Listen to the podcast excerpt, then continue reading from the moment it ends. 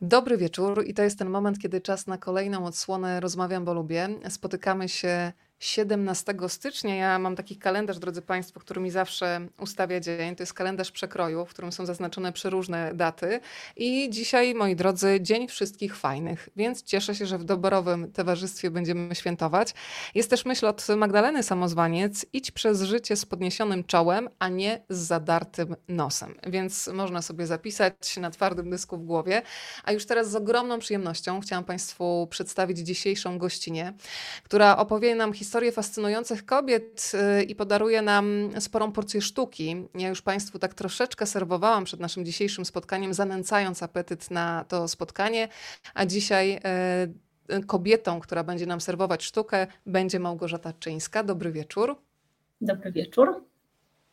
E, Małgorzata jest dziennikarką, pisarką, historyczką sztuki, krytyczką designu i kuratorką wystaw.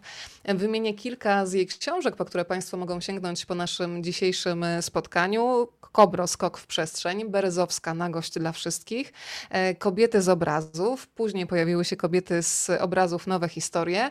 E, dzisiaj spotykamy się przy okazji kobiet z obrazów, a w centrum zainteresowania znajdą się Polki. I zanim przedstawimy Państwu bohaterki, które znalazły się w tej książce, to jeszcze tylko wspomnę, że w poprzednich częściach e, Małgorzata pisała między innymi o Gali Dali, która bardzo mm, w taki zdecydowany sposób kierowała karierą swojego męża i rozskakiwała też w sobie przeróżnych artystów. W Kobietach z obrazu w nowych historiach pojawiła się między innymi Suzanne Valadon, czyli ulubiona modelka Renoira, ale też Bella Chagall. E, ja tylko wymieniam pojedyncze tutaj bohaterki, było znacznie więcej. A teraz już czas najwyższy chyba Małgosiu, żebyśmy powiedziały, kogo tym razem przedstawiasz, bo są wśród tych bohaterek panie, które ja na przykład znałam, ale są też takie, które są dla mnie odkryciem, za co Ci z całego serca e, dziękuję, bo mimo, że z niektórymi bohaterkami minęłam się w czasie, tak to ujmę, to mam wrażenie, że spotkały się nasze wrażliwości. Więc przedstawmy bohaterki książki Kobiety z obrazów Polki.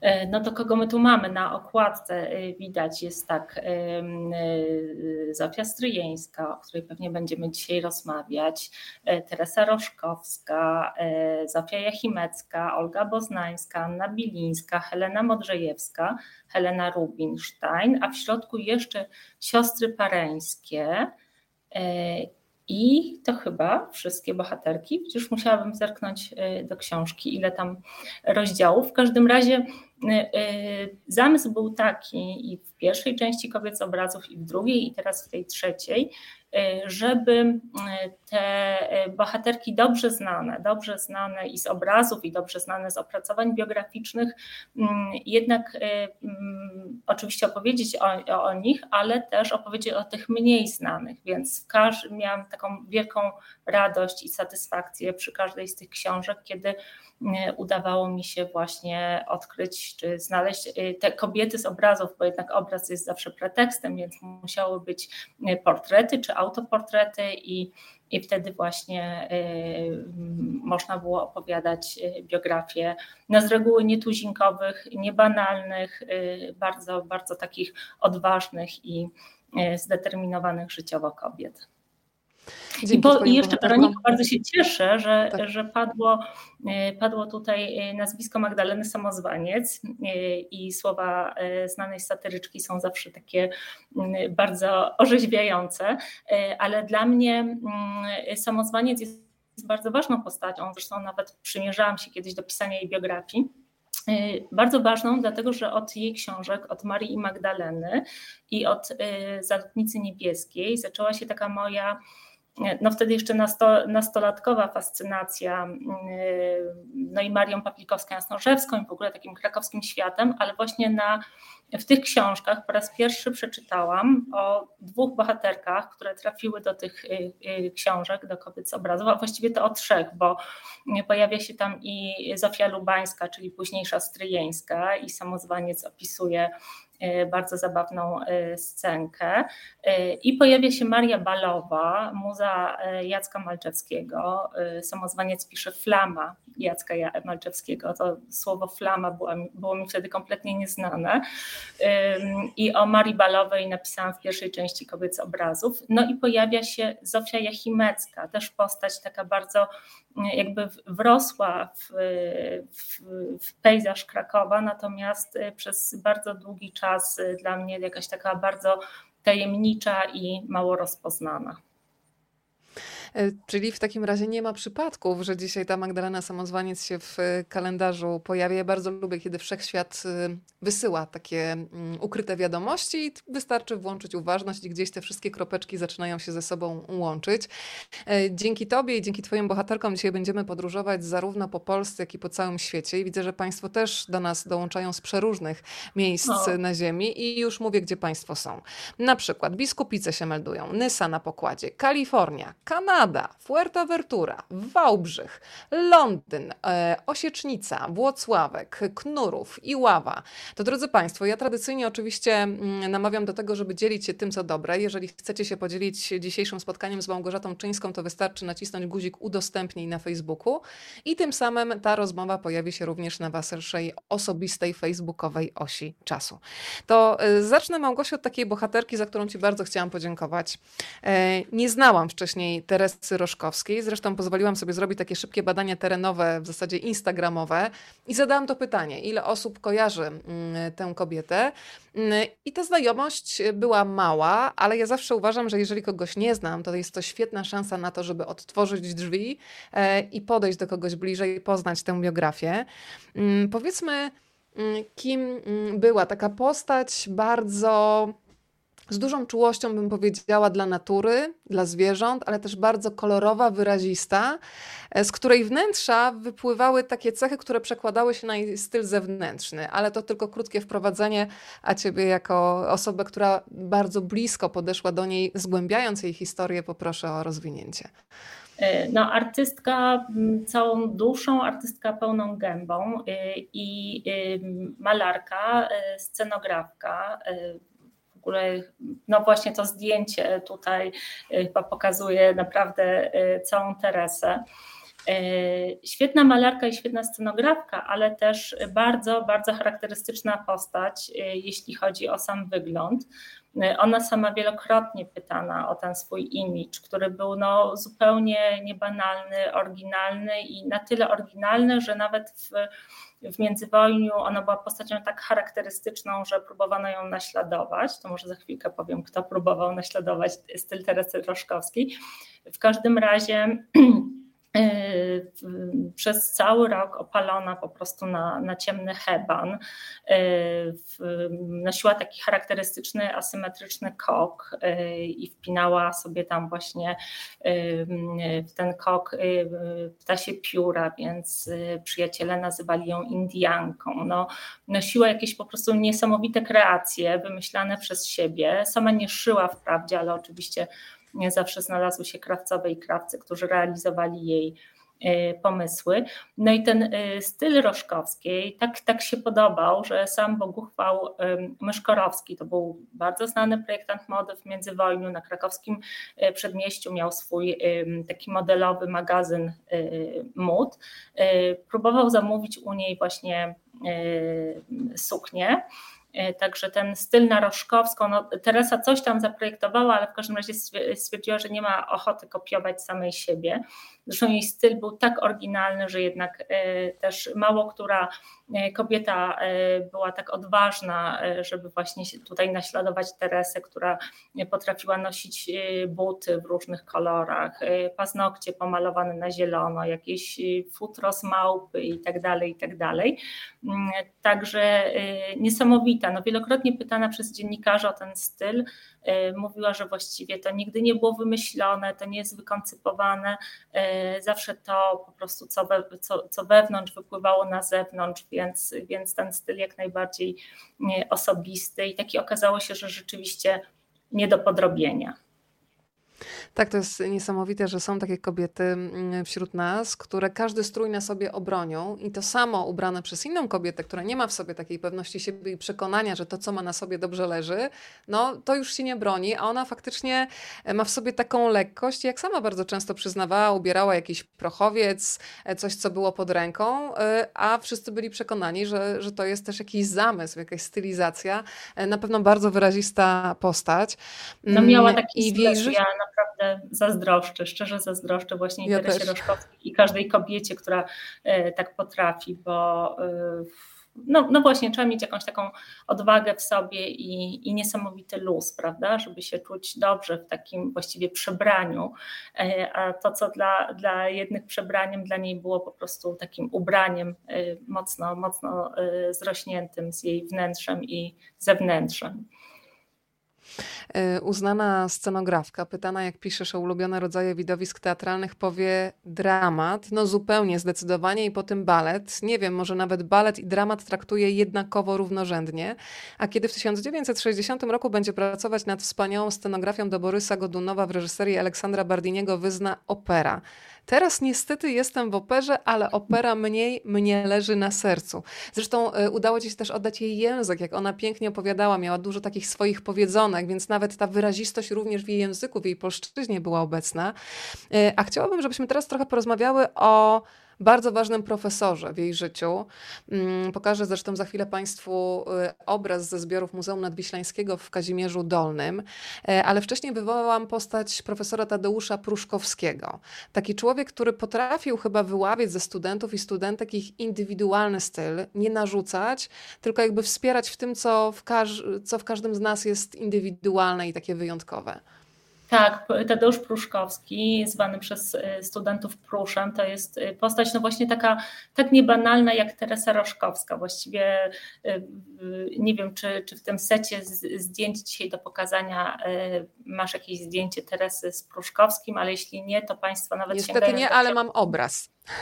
Tak, ale sięgając do książki Kobiety z obrazów, właśnie można tam odnaleźć wspólne zdjęcie Teresy z Tadeuszem Pruszkowskim, którzy właśnie królują na, na balu, na, na, na plenerze letnim w Kazimierzu nad Wisłą. Pruszkowski, z Pruszkowskim Teresa zetknęła się w, najpierw w prywatnej szkole rysunku i malarstwa. Bo trzeba jeszcze powiedzieć, właśnie kiedy wspomniałaś o tym jej języku i że udało mi się go oddać, to to nie jest moja zasługa, e, tylko no chociażby zasługa Macieja Nowaka, który Macieja Nowaka, którego cytujesz, kilka lat tak. przed śmiercią e, Teresy e, przeprowadził z nią bardzo długi wywiad. Stenogram z tego, zapis, zapis tej rozmowy jest w archiwum, także jest dostępny i tam rzeczywiście e, ten język e, Teresy no po prostu aż poraża. Ona urodziła się w Kijowie, e, była w takiej, z takiej, takiej multikulti rodziny, bo matka z pochodzenia Szwajcarka, więc ojciec Polak, w domu mówiono po rosyjsku, po polsku i po niemiecku, potem oczywiście była jeszcze jakaś bona francuska, więc również po, po francusku. I Teresa, kiedy przyjechali do Polski w 22 to Teresa właśnie mówiła taką mieszaniną wszystkich języków świata e, i, e, i sama mówiła, że wszyscy, łącznie z Pruszkowskim, e, wszystkich to tak bawiło, że wszyscy ją naśladowali, a nikt jej nie poprawiał. W związku z tym ona nigdy nie nauczyła się poprawnie mówić po polsku. Zawsze mówiła z tym rosyjskim zaciągiem, mieszała słowa. Także dzięki temu niezredagowanemu zapisowi rozmowy Macieja Nowaka z Teresą Roszkowską y, udało się właśnie zachować taki, taki, ten, jej, ten jej styl, tą, tą właśnie taki, taką y, mieszaninę y, języków.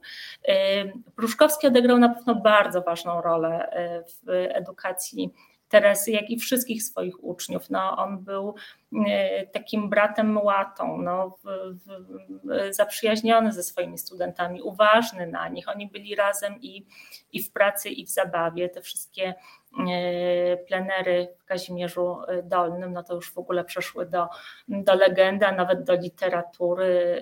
E, wystarczy sięgnąć po dwa księżyce Marii Kuncewiczowej i, i migawki z tych plenerów tam się również znajdą trafią też tam Państwo na samą Teresę Roszkowską o której Kunцewiczowa również, również pisze. Więc te lata studiów u Pruszkowskiego na pewno było bardzo ważne, ale Teresa nie poprzestawała na malarstwie, bo ona poza tym, że studiowała u Pruszkowskiego, studiowała w Warszawskiej Szkole Sztuk Pięknych, to studiowała również w konserwatorium na, w klasie fortepianu. E, także, e, także to, to była taka bardzo, e, bardzo wszechstronnie wykształcona kobieta, co potem również pomogło jej bardzo, kiedy zaczęła studiować scenografię. To szczególnie ujęło Schillera u niej, że ona właśnie ma i to wyczucie estetyki, wyczucie malarstwa i jest bardzo muzykalna i również to, to wyczucie muzyczne także, także grało wielką rolę. E, profesor Pruszkowski, też warto o tym powiedzieć, e, był też zapalonym lotnikiem, o tym piszesz, współzałożycielem Aeroklubu Warszawskiego i stałym felietonistą skrzydlatej Polski. Mm, piszesz też e, o tym, jak skończyło się jego życie, i to jest bardzo brutalna historia. Rok 42, y, ukochany Prusz, ukochany przez studentów i wielu bliskich mu ludzi, został rozstrzelany przez hitlerowców. Próbował uciec z transportu, którym wracał na Pawiak po przesłuchaniu przez y, gestapo na Szucha. E, I warto powiedzieć, że od początku był tym człowiekiem, który pomagał, od początku wojny, który pomagał Żydom, więc y, wyjątkowa postać. I cieszę się, że dzięki również, również dzięki Twojej książce ona zostanie e, zapamiętana. E, krótka informacja dla tych wszystkich z Państwa, którzy teraz e, dołączają do transmisji. Dobry wieczór. Dziś rozmawiamy o książce Kobiety z obrazów Polki Małgorzaty Czyńskiej. Dobry wieczór. Rozmawiamy o Teresie Roszkowskiej e, i ja wrócę jeszcze na chwilę do tego jej języka, bo teraz takie zdanie mi tutaj przed oczami wyskoczyło. Ja nawet nie zdążyłam achnąć, kiedy miałam nitkę w uchu. Ja opowiadam na przykład o kolczykach takiej drobnostce, ale to ja nawet nie zdążyłam achnąć, to aż się chcę przejąć i przy jakiejś okazji e, takiego języka i takiego sformułowania używać. Mm, dzisiaj porozmawiamy o kilku bohaterkach z Twojej książki, ale są też takie uniwersalne wątki, które się przeplatają przez całą opowieść, przez e, wszystkie rozdziały. Mam wrażenie, że wszystkie Twoje bohaterki łączy wcześniej rozpoznany talent, bardzo często jest to też wsparcie y, płynące z rodziny. Myślę na przykład o ojcu Anny Bilińskiej. Y, pojawia się też taka ogromna konsekwencja i ambicja. Helena Modrzejewska, która mówi, że cały czas należy się rozwijać i to też jest y, niezwykłe. I ja mam wrażenie, że one wszystkie mają w sobie ogromną siłę, determinację, ale też kruchość, którą też zauważasz. I tak naprawdę to jest cały czas takie balansowanie pomiędzy spełnieniem a rozpaczą. E, przyznaj się w ogóle, Małgosia, która z tych bohaterek była najbliższa tobie, mm, tak właśnie myślowo, sercowo, wrażliwościowo? O, to jest strasznie, strasznie trudne, trudne pytanie. E, jak mnie I odsłaniające. Ktoś zapytał o to właśnie, która, która, która jest moja ulubiona, to powiedziałam, że to jest najgorsze pytanie, bo naprawdę e, bardzo trudno ale rzeczywiście jest tak, że e, są e, postaci, które są mi szczególnie bliższe, e, bliskie właśnie z racji tej wrażliwości, gdzieś tam wyczuwam coś pokrewnego. No na przykład zupełnie nie wyczuwam tej wrażliwości na przykład u, Heleny Rubinstein, o której pewnie też będziemy rozmawiać, tak. a jednak jest imponująca w swojej mm, pracy, w swoich osiągnięciach, w swojej determinacji. Wiesz, są takie postaci, którym które mnie fascynują, którym gdzieś tam trochę współczuję, trochę jestem ich ciekawa, coś tam jest intrygującego bardzo. Y, I, i nie wiem, no na przykład taka, taka Olga Poznańska, która w takiej powszechnej narracji zawsze jest uznawana, no oczywiście świetna malarka, ale przede wszystkim dziwaczka, ta hodowczyni białych myszek, prawda, i, tak. i tak dalej, i tak dalej. A dla mnie ta Poznańska jest taką postacią y, no, wygraną, taką kobietą, która po prostu wymyśliła sobie, jak chce, żeby to jej życie wyglądało. Przede wszystkim właśnie, że chce się poświęcić sztuce, a, a, a po drugie, że, że to się ma toczyć z dala od rodzinnego Krakowa. I właściwie już sam fakt, że, że nigdy do tego Krakowa, już po takim wyjeździe na studia do Monachium, a potem a potem już do Paryża, gdzie, gdzie wiodła zupełnie osobne życie, to takie dalekie od właśnie tego krakowskiego, no to już było właśnie taką jej wielką, wielką wygraną, więc naprawdę trudno jest mi powiedzieć, która jest mi najbliższa. Na pewno, na pewno są takie, z którymi rzeczywiście czuję jakieś takie pokrewieństwo. A są takie, które właśnie mnie fascynują swoją siłą i determinacją. No właśnie e, Helena Rubinstein, czy nawet e, e, Tamara Łępicka, do której wracałam kilka razy właśnie w pierwszej części Kobiet z obrazów i w osobnej powieści biograficznej. Także, także nie, nie, nie zawsze ta wrażliwość mnie najbardziej pociąga w bohaterce, ale, ale super, kiedy ona jest i kiedy, kiedy ją wyczuwam.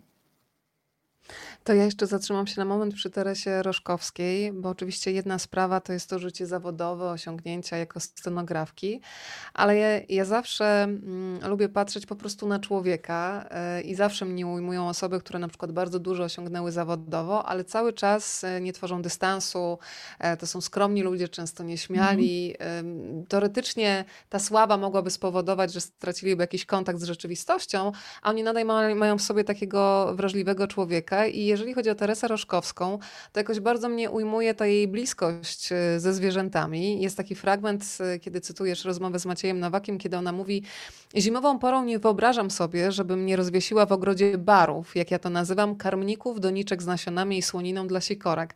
Nazywam to bary dla zwierząt. Powiedzmy takie moje chyzie. Nie jeden człowiek mi wymyśla, że karmię ptaki, bo ptaki brudzą. Zwierzaki są takie jak ludzie, żeby mogły mówić, to by mówiły. Jeżeli człowiek ma ludzki stosunek do zwierzaka, to i zwierzak robi się ludzki. Wszystko rozumie, tylko mówić nie może. E, I te bary dla zwierząt i też takie poczucie obowiązku, że ona wiedziała, że oswoiła, Wielkie. przyzwyczaiła i codziennie po prostu śmigała i tam e, catering dla ptaków zawsze był. Tak, no ja, ja, ja zazdroszczę Maciejowi Nowakowi, nawet chociaż być może to było dosyć ciężkie przeżycie towarzyszyć Teresie Roszkowskiej przy y, w oparach gotujących się ryb, y, na, na jakimś tam krojeniu y, iluś bochenków chleba i, i, i, i właśnie wdychaniu po prostu gotującego się makaronu, ale ona codziennie przygotowywała porcyjki dla zwierząt i, i to trwało latami, było taką charakterystyczną postacią Saskiej Kępy e, i rzeczywiście jest nienawidzona przez wielu, którzy uważali, że właśnie zwierzęta brudzą i że to jest ta właśnie pani e, kociara i pani od ptaków. Zresztą, jak mówiła, e, mówiłaś wcześniej o tym portrecie, o i tutaj znowu te ptasie pióra, właśnie ptaki były jej też bardzo bliskie. Ona też bardzo ładnie o tym mówiła. Sama o sobie mówiła, że rozmaite są rarogi na świecie i że ona jest takim właśnie rarogiem była takim y, znowu żar ptakiem, tą postacią y, zaczerpniętą z, z rosyjskich bajek, bo ta y, bajkowość i baśniowość rosyjska, oczywiście, w której ona wyrosła, prawda, naczytała się tego od, od dzieciństwa, stale jej towarzyszyła i to także widać w jej obrazach. A ta miłość do, do zwierząt to jest chyba największa miłość życia Teresy Roszkowskiej. E, ptasie pióra zbierała w ogrodzie i na spacerach mówiła, że ptaki przylatują do jej ogrodu umierać i to też jest bardzo piękne, bo to było to, to miejsce, prawda, wybrane na koniec, wybrane na śmierć. E, w, w, w, lust, w, w holu domu Teresy wisiało lustro, zresztą takie z taflą popękaną od odłamku, który się gdzieś tam zapodział w czasie powstania warszawskiego e, i e, bo sam dom, e, sam dom no, został częściowo zniszczony, ale generalnie no, na Saskiej Kępie żadne walki się nie toczyły, więc Teresa tak spokojnie przetrwała całe powstanie warszawskie. W każdym razie ona w to lustro właśnie za, za ramę zatykała ptasie pióra i zrobiła z niego taki swego rodzaju, taką swojego rodzaju instalację, więc cały czas te, te odniesienia do świata zwierzęcego były obecne i, i w jej życiu, i w jej malarstwie. No tutaj właśnie autoportret z 1928 roku i Teresa właśnie z piórami we włosach.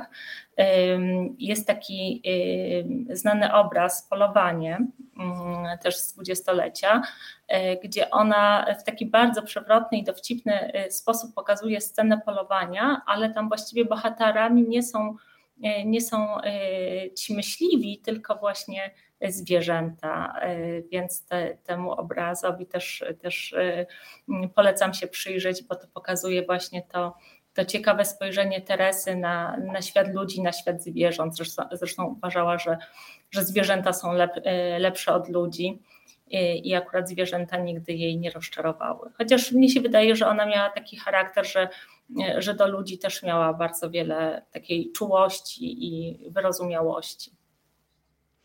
Mm, mówiłaś wcześniej o Oldze Boznańskiej. Szukałam fragmentu i w końcu znalazłam, bo mówiłaś też e, o takich podróżach, o miastach i przy Oldze Boznańskiej e, zapisałam sobie takie hasło robocze miasta więzienia, miasta możliwości, bo ona wysyła do ojca list w 1885 roku w wieku 20 lat wyrywa się z Krakowa na studia właśnie do Monachium i od razu jest jasne dla niej, że ona ani nie myśli, żeby wracać do rodzinnego miasta.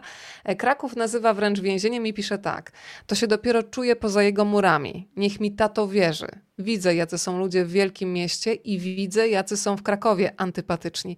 Tato z pewnością myśli, że jestem obałamucona Monachium, a ja tacie powiem, że zaczynam dopiero być taką, jaką powinnam być. I gdybym jakiś czas mogła w takich warunkach pozostać, w jakich się teraz znajduję, dostałabym trochę tej samodzielności i energii, jakie posiadają tutaj wszystkie moje koleżanki. Wydaje mi się że zawsze, że jestem jak bojaźliwe dziecko między nimi, a to wszystko wpływ środowiska, w którym się obracam. To zanim przejdziemy do Twoich bohaterek, Małgosia, teraz Ci muszę zadać pytanie tak szczerze, mam nadzieję, że nikt z konkretnego miasta się nie obrazi, ale jakie miasta są dla ciebie więzieniem, w których ty się źle czujesz po prostu? Ja przyznaję, nie wiem dlaczego, ale ja na przykład nie mogę się przekonać do Krakowa. Nie wiem, chociaż jestem z Rzeszowa i w zasadzie najbliżej, ale też studia wybrałam w Warszawie, bo Kraków był dla mnie jakiś hermetyczny i taki klaustrofobiczny. Może to się jeszcze zmieni. No i są takie miasta, które w nas otwierają i czujemy, że dostajemy skrzydło, więc jak to jest w twoim przypadku? No wiesz, no ja jestem krakuską Jestem, jestem rodowitą krakowianką. I, i, I aż do końca studiów mieszkałam w Krakowie. Wiem, wiem, wiem. Nie, nie wiem, czy, czy ktoś z mojej, z mojej rodziny y, nas teraz ogląda, słucha.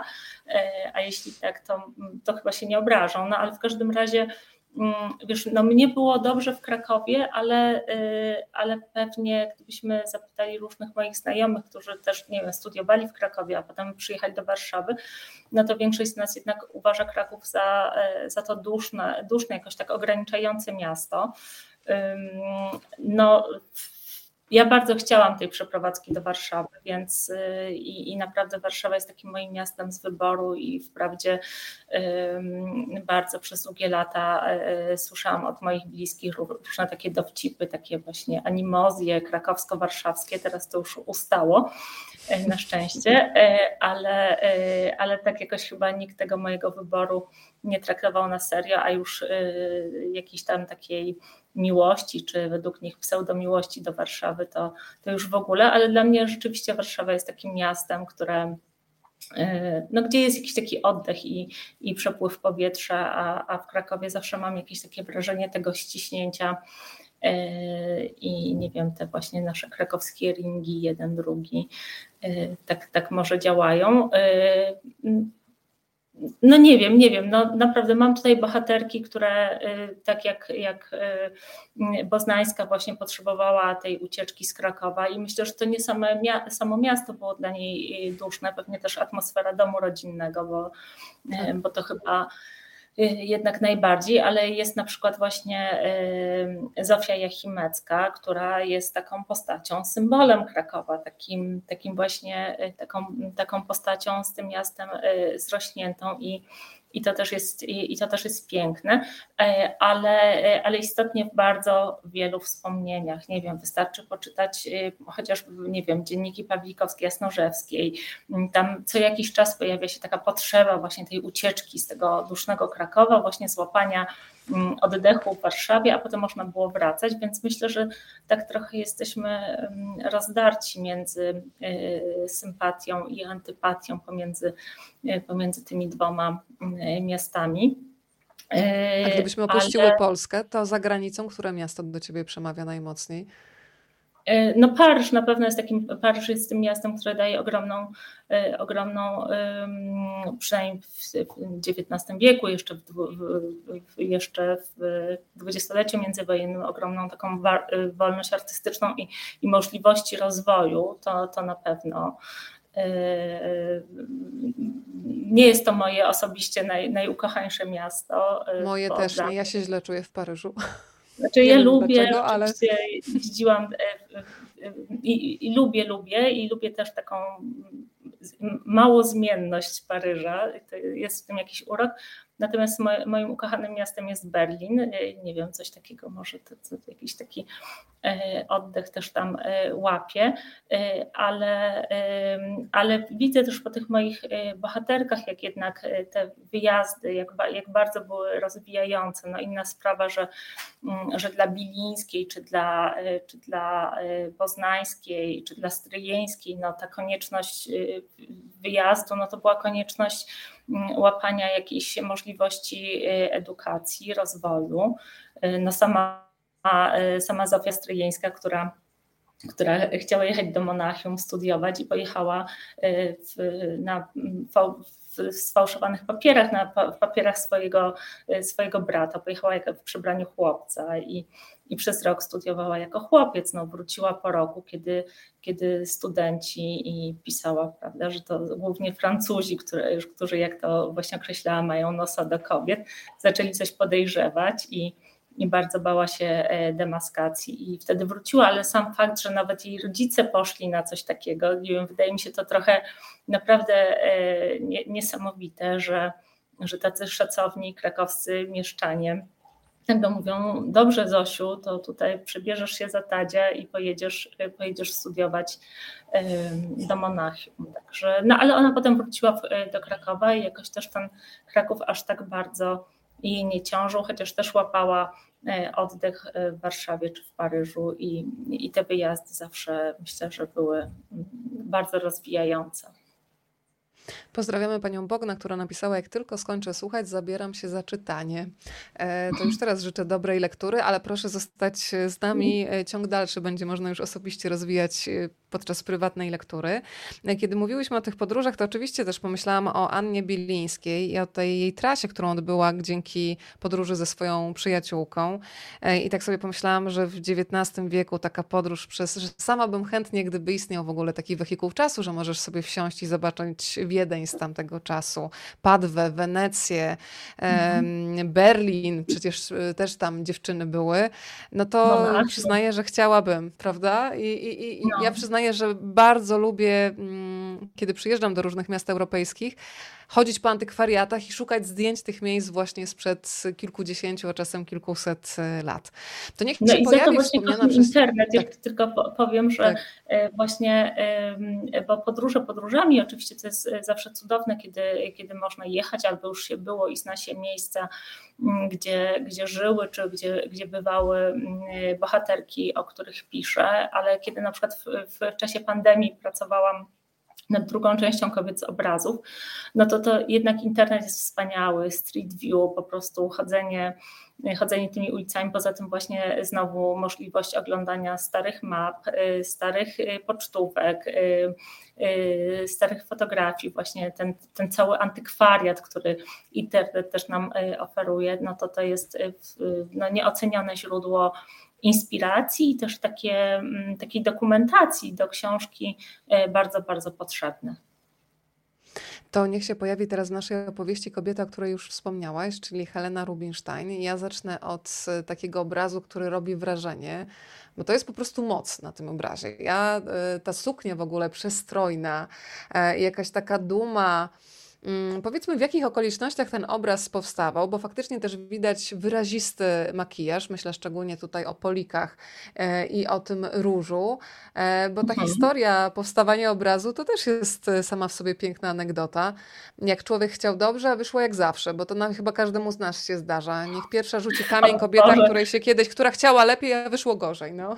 To, to, to czy Państwo mają ten obraz podpisany?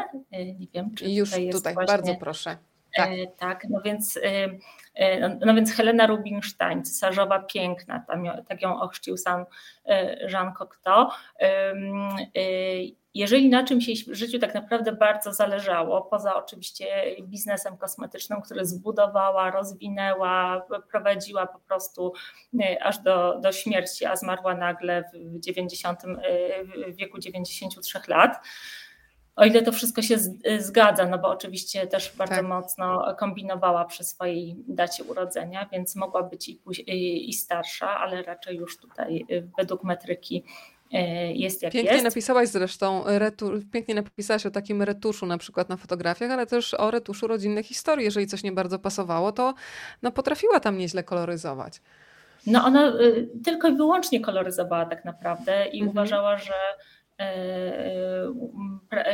jak to mówiła, że ładne kłamstwo jest więcej warte od, od każdej prawdy e, i rzeczywiście zbudowała swoją biografię na nowo, tak żeby pasowało, pasowała do, do kobiety sukcesu, także absolutnie nie przyznawała się do tego, że była po prostu dziewczyną z niebogatej, a raczej ubogiej żydowskiej rodziny z krakowskiego Kazimierza. A zgodzisz no, się Małgosia, właśnie... bo nad tym właśnie myślałam, y, że gdyby się przyznała, to ja myślę, że z jeszcze większym podziwem by ludzie na nią patrzyli, bo zobaczyliby tą ogromną drogę, którą ona musiała pokonać, jako właśnie dziewczyna pochodząca z ubogiego domu. E, nie wiem, we mnie to budzi wręcz uznanie. E, a, a ale myślę, że, chyba ale myślę, że związany z tym miejscem. Ale myślę, nie? że w jej epoce niekoniecznie właśnie, że jednak e, okay. te, te standardy oceny właśnie tego te, od Pucybuta do milionera E, też się e, bardzo zmieniły, także łatwiej było zrobić e, karierę w branży kosmetycznej kobiecie, która jednocześnie mm, budowała swoją legendę właśnie dziewczyny z dobrego domu, z zamożnego domu, prawda? Więc ta praca nagle była jakąś taką trochę, może no trochę fanaberią, trochę jakimś kaprysem, a trochę, trochę tak, takim mm, zewem fantazji tak naprawdę.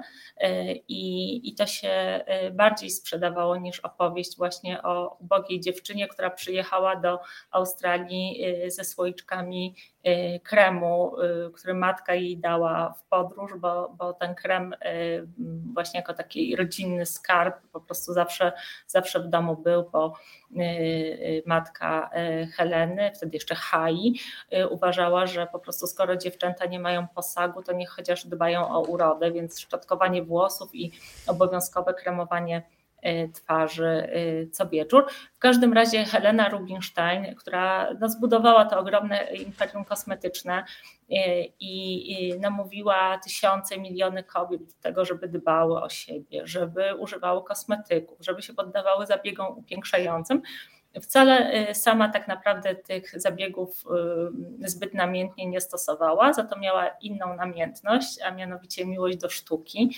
E, I tutaj e, no, to, to, jest niesamowite. Była wielką kolekcjonerką. E, jej, jej, kolekcja jest ogromna. Wprawdzie, co po niektórzy krytycy kpili z niej, że miała takie pośrednie, pośrednie dzieła najznakomitszych malarzy epoki, e, bo w jej kolekcji byli wszyscy, naprawdę od Maneta przez e, Salvadora Dali po Picassa.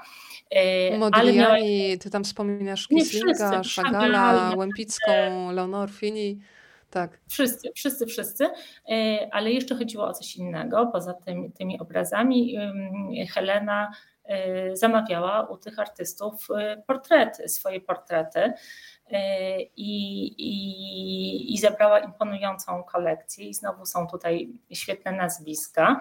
E, a dla mnie znowu taką, tak, ta, taką właśnie kolejną niteczką, takim punkcikiem, który łączy te wszystkie opowieści z tych już trzech e, części kobiec obrazów jest to, że do zamawiania, w ogóle do kolekcjonowania sztuki i do zamawiania tych portretów e, namówiła Helenę, inna bohaterka mojej książki. W pierwszej części Kobiec obrazów jest opowieść o misji Zgodebskich, misji Sert, takiej właśnie e, niekwestionowanej, ale też niekoronowanej królowy Paryża, Polki z pochodzenia, córki rzeźbiarza Cypriana Godebskiego, no, która była ogromną, taką ogromnie wpływową osobą, muzą artystów, kolekcjonerką, mecenaską.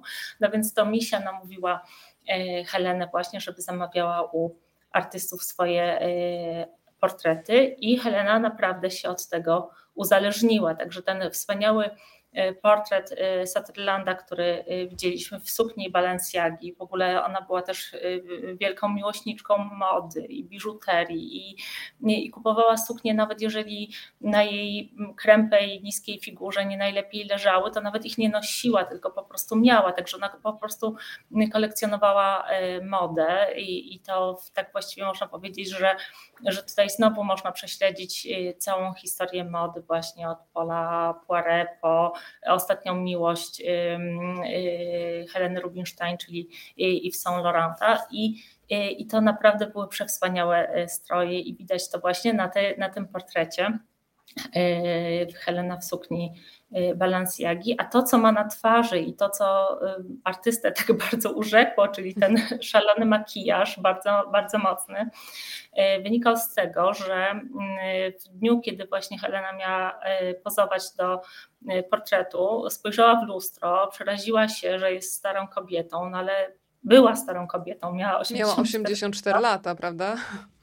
Tak, tak, ale postanowiła, e, postanowiła właśnie przeprowadzić taką przyspieszoną kurację odmładzająco e, odchudzającą, więc e, nie wiem, nałykała się jakichś proszków przeczyszczających, popiła to kawą, rycyną, nie wiem czym tam jeszcze. Efekt był taki, że po prostu wzięła gorącą kąpiel, efekt był taki, że zasłabła, uderzyła, przewróciła się właśnie na twarz, posiniaczyła się okropnie, w związku z tym potem na te siniaki nałożyła mm, właśnie taki kolorowy y, makijaż. Y, ale jest na tym portrecie naprawdę niesamowita. Ja bardzo taka, lubię taka siła, taka pewność siebie, no taka władcza jest. No. Tak, tak, jest, jest, jest jak, jakby była po prostu wodzem Indian, naprawdę wspaniała.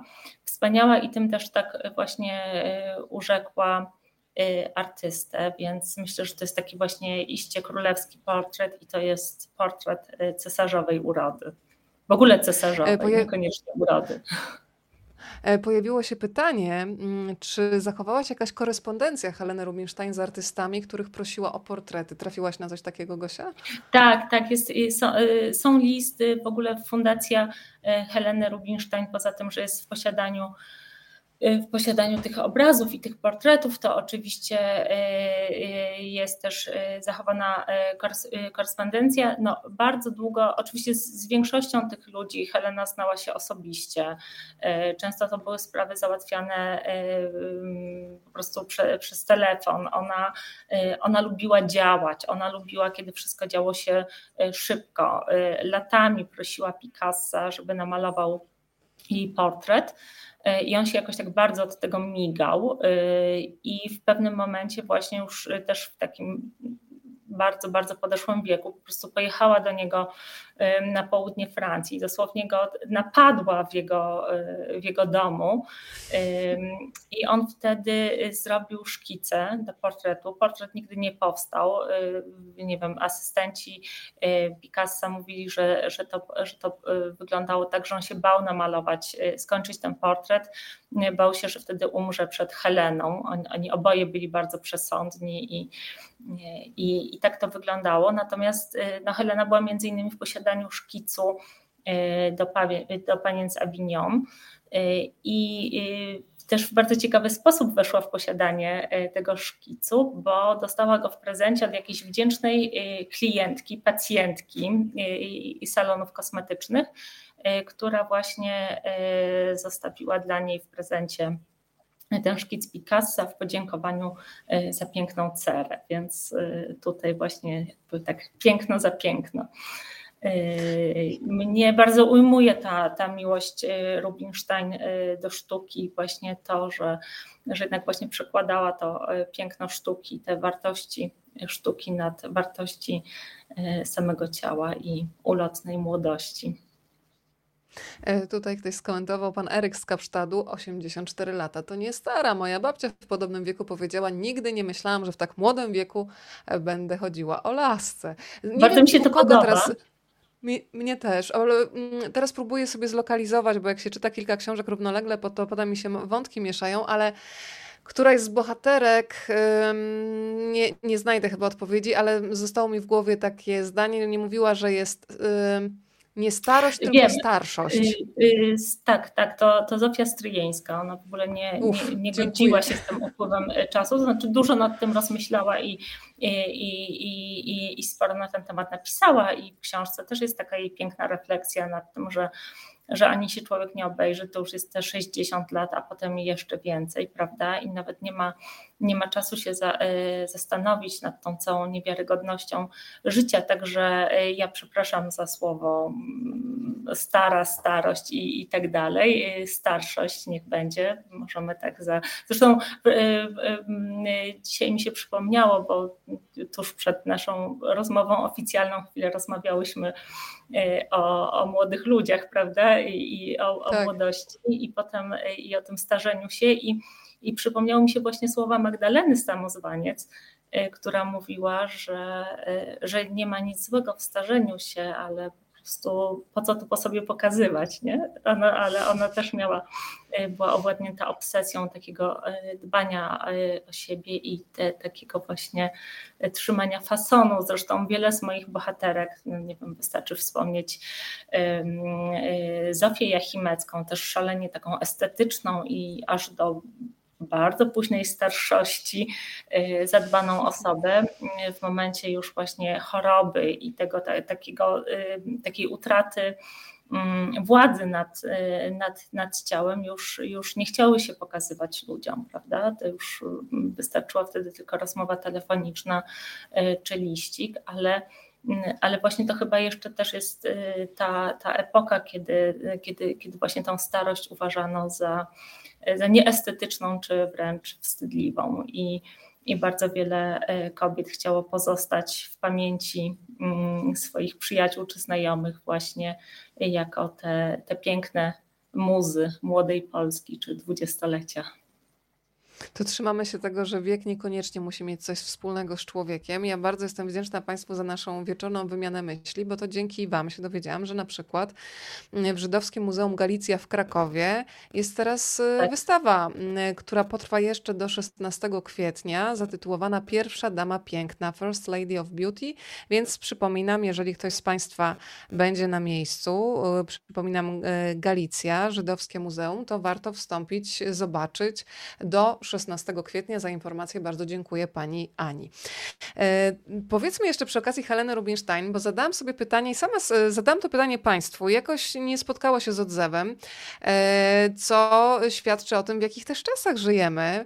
Mm, bo zapytałam o to, czy znają Państwo dzisiaj współczesne firmy prywatne, komercyjne, które kupują, inwestują sztukę i nie chowają tej sztuki w jakichś tajnych, prywatnych magazynach firmy, tylko udostępniają tę sztukę dla y, swoich gości, dla klientów firmy, bo uważam, że jest to coś wyjątkowego. Kilka takich firm znam, ale naprawdę tak na palcach dwóch rąk może.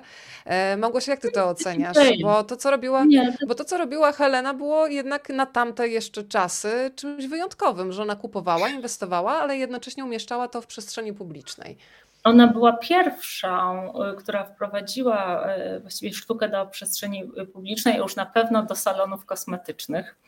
E, bo w jej tak. instytutach e, piękności, które zresztą były świetnie zaprojektowane e, i właśnie ozdobione dziełami sztuki. I to wszystko było bardzo spójne i spójne z jej koncepcją, która może rozwinęła się z czasem, może była chwytem marketingowym, ale myślę, że jednak wynikała z tych upodobań estetycznych Heleny.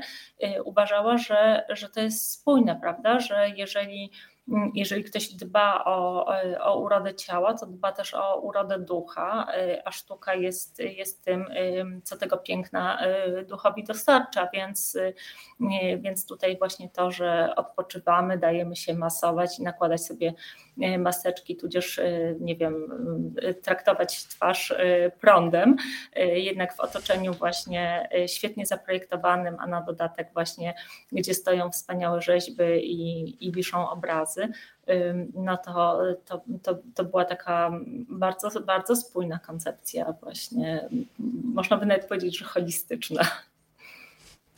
To ja jeszcze wrócę do jednego obrazu, który tutaj Państwu już mignął, ale skupiłyśmy się na tym jej portrecie takiej bogini w tej czerwonej sukni, a teraz też obraz, który no naprawdę tutaj artystę powiedziałabym, że poniosła wyobraźnia.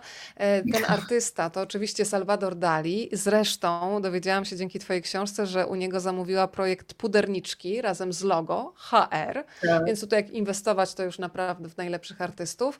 E, powiedz proszę, jaka była koncepcja tego obrazu? E, bo faktycznie tutaj można znowu poczuć swoją wielkość. No, trudno takie bardziej, nie wiem, pompatyczne, czy takie naprawdę przedstawienie.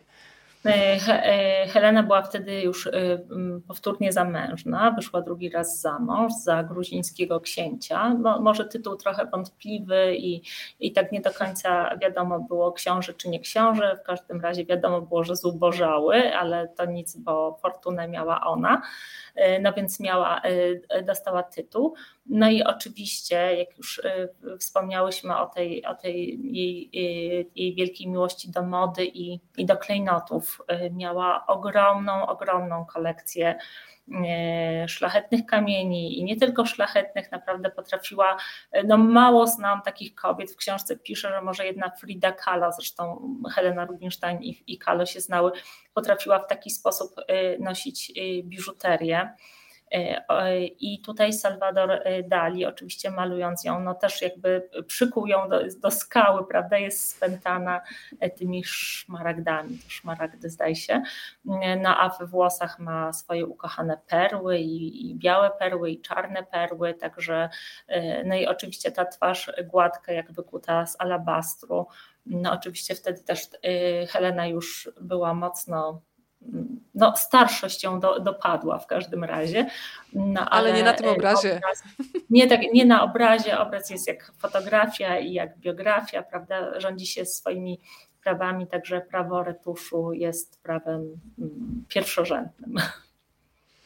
Drodzy Państwo, cieszę się, że kolejne osoby do nas y, dołączają z każdą minutą.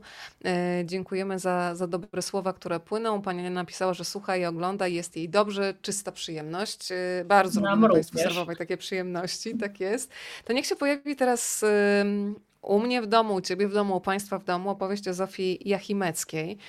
E, ja może zacznę od takiego listu, który ona wysłała do swojego męża Zdzisława w czasie narzeczeństwa, e, bo w tym liście będzie już trochę z jej charakteru. Ona pisała tak. Czy pan może znosić żółte buty? Ja mdłości dostaję, kiedy takie widzę. Pomyśl pan, najpiękniejszy malarz, jaki jest w Krakowie, włożył kiedyś żółte buty. Bo, że takowe nosi mąż pani Wysockiej, to nic dziwnego. Ona mu podarowała pewnie, ale ten malarz to jest skandal, to jest nawet wielki szkandał. I ten szkandał mi od razu, wiesz, w głowie wyskakuje sandał i to wszystko się zaczyna, wiesz, mielić. No pokazuje jej charakter, e, a mówimy o kobiecie, która później ze swoim mężem, no była chyba uznawana za taką jedną z najbardziej eleganckich e, par międzywojennej Polski. Powiedzmy, co to za postać.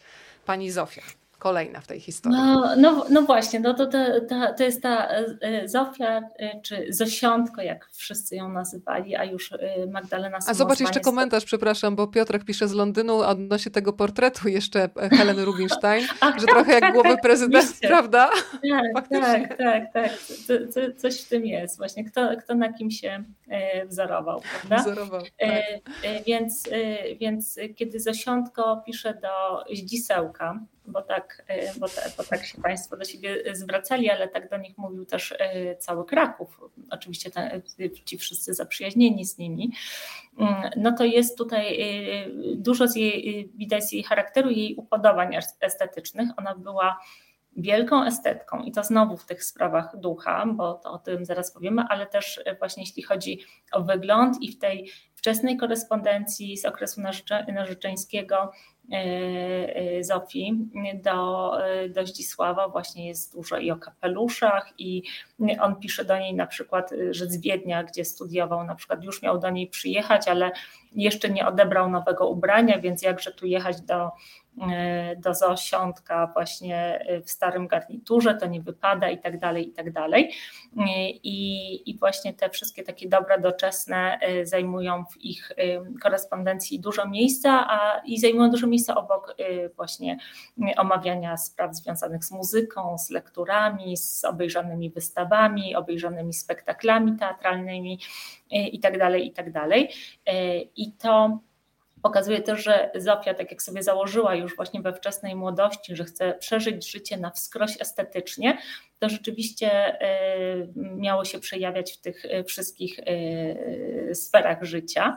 E, także właśnie w ubiorze, więc, e, więc ten ubiór zresztą współcześni, potem w swoich wspomnieniach już po śmierci e, Zofii, również sama Magdalena Samozwaniec bardzo wiele miejsca poświęcali temu, jak oboje jachimeccy wyglądali, jacy byli eleganccy.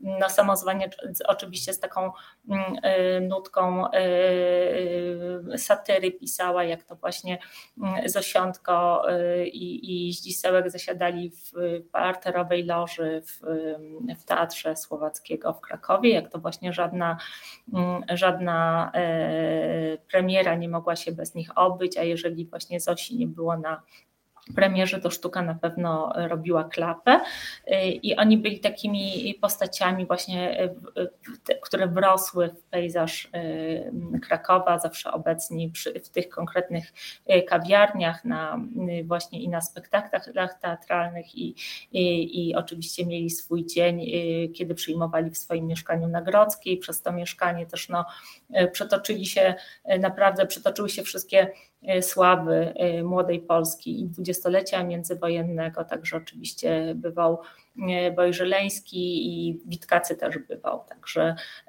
i, i oczywiście malarze, którzy Zofię portretowali, bo ona bardzo E, szybko właśnie już we wczesnej młodości e, została ulubioną modelką e, Czajkowskiego, Aksentowicza. No, Aksent, sama mówiła, że Aksentowiczowi na, napozowała się co niemiara, że ciągle prosił, niech pani mi zapozuje i na pewno to dobrze sprzedam i, i sprzedawał.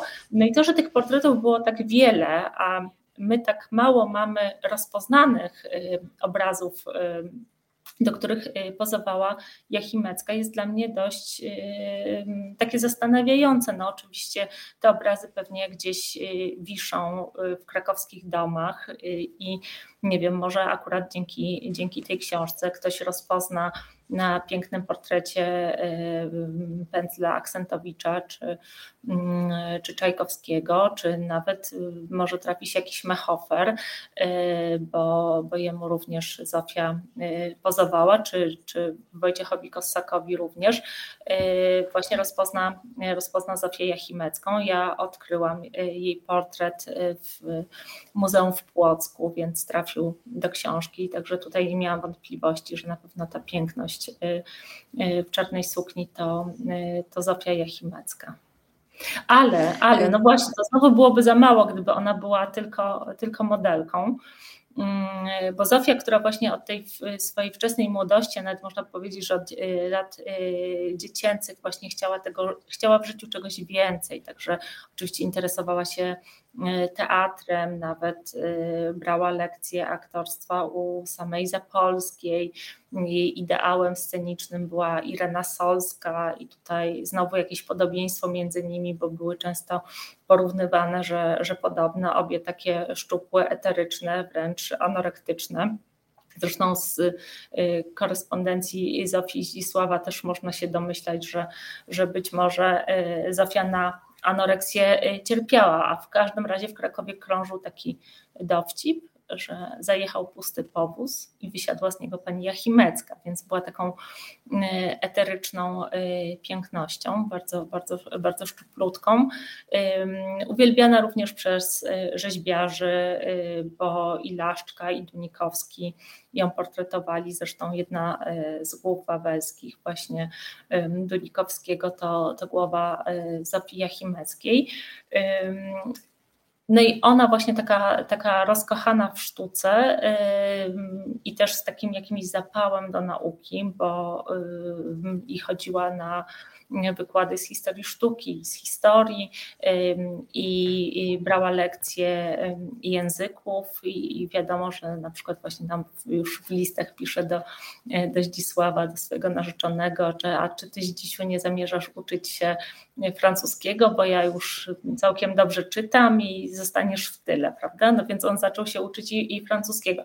Ale w każdym razie już wiadomo, że w czasie I wojny y, światowej zajęła się przekładami, tłumaczyła z niemieckiego, potem zaczęła tłumaczyć z francuskiego i z włoskiego. Zresztą oni oboje mm, ze Zdzisławem y, byli tacy rozkochani w kulturze włoskiej. On zajmował się wpływami włoskimi w, w muzyce polskiej, bo Jachimecki był y, muzykologiem i kompozytorem, zresztą wielbicielem Szymanowskiego, tak, właściwie takim jednym y, z pierwszych, którzy bardzo y, bardzo Szymanowskiego wspierali i, i promowali jego, jego muzykę. Potem był również autorem pierwszej monografii kompozytora.